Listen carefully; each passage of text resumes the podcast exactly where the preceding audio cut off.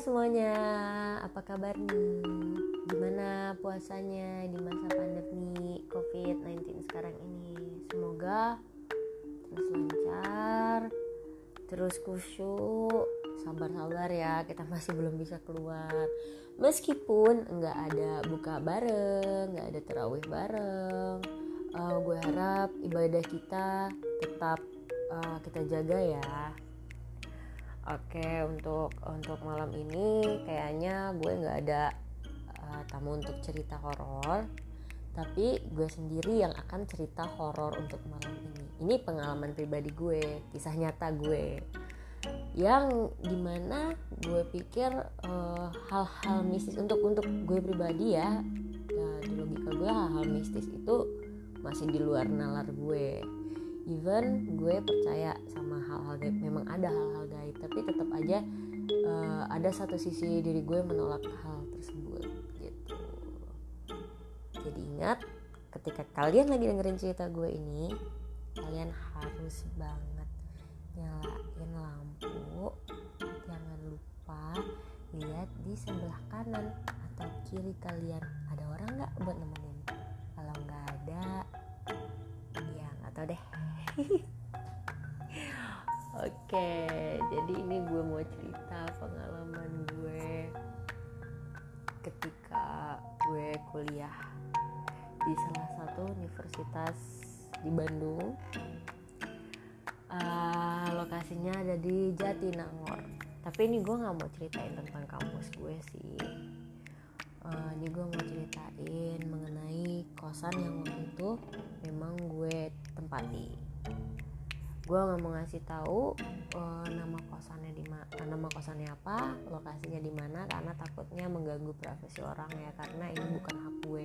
Ini hanya gue hanya mau cerita aja sih. Oke jadi gue gue nggak mau bilang kalau gue itu bisa ngelihat hal mistis meskipun memang pada kenyataannya dulu ya dulu dulu gue bisa melihat hal-hal mistis gitu. Jadi pada saat pertama kali gue ngekos gue mencoba untuk tidak merasakan hal-hal gaib di sekitar gue. Karena uh, gue yakin banget nggak tahu kenapa gue yakin banget pasti banyak pasti banyak banget hal-hal gaib yang ada di sekitaran gue tapi gue uh, mencoba untuk tidak mengindahkannya gitu loh. Uh, jadi begitu gue pindahan masuk ke kamar kos-kosan gue uh, gue kenalan lah sama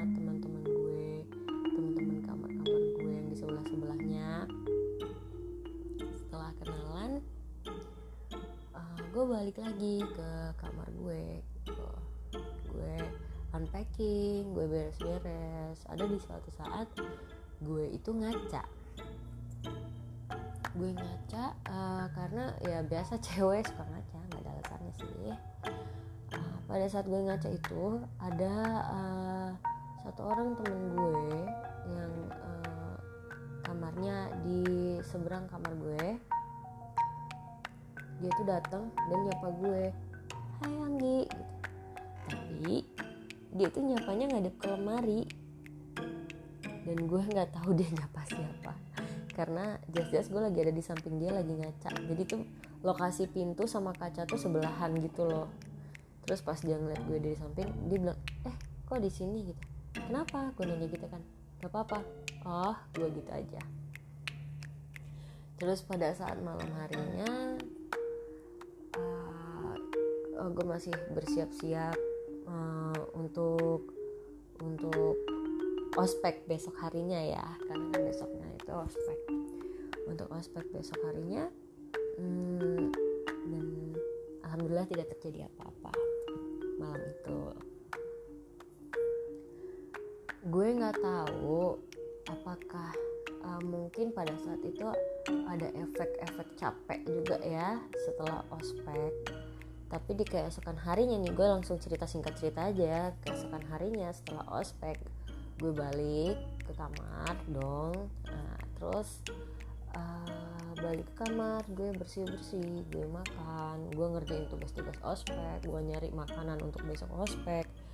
Setelah itu gue tidur gue tidur terus gue ngedengar di ruang tamu tuh ada yang kayak geser-geser meja geser-geser kursi. Jadi kursi ruang jadi ruang lokasi ruang tamunya itu tuh pas banget ada di uh, seberang kanan seberang kanan ya. Jadi dia tuh jadi uh, kos kosannya itu ruang tamunya tuh di tengah sayap kanan kirinya itu ada kamar uh, ada kamar yang uh, ya gue pokoknya di sayap sebelah uh, kanan dari pintu masuk kosannya kamar gue gitu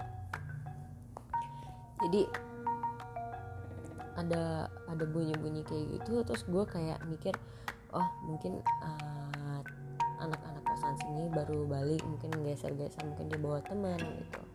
Terus gue pada saat gue mau tidur lagi gue terbangun lagi karena ada uh, bunyi detak sepatu gitu kayak sepatu high heels kan tak tak tak tak tak gitu kan. Terus gue mikir ini tuh ini tuh udah jam setengah 12 gitu. Ini siapa sih yang bertamu? Bukannya kosannya ditutup jam 10 ya? Gitu kan. Tapi gue kayak ya udahlah gitu. Akhirnya tidurlah gue. Tidur.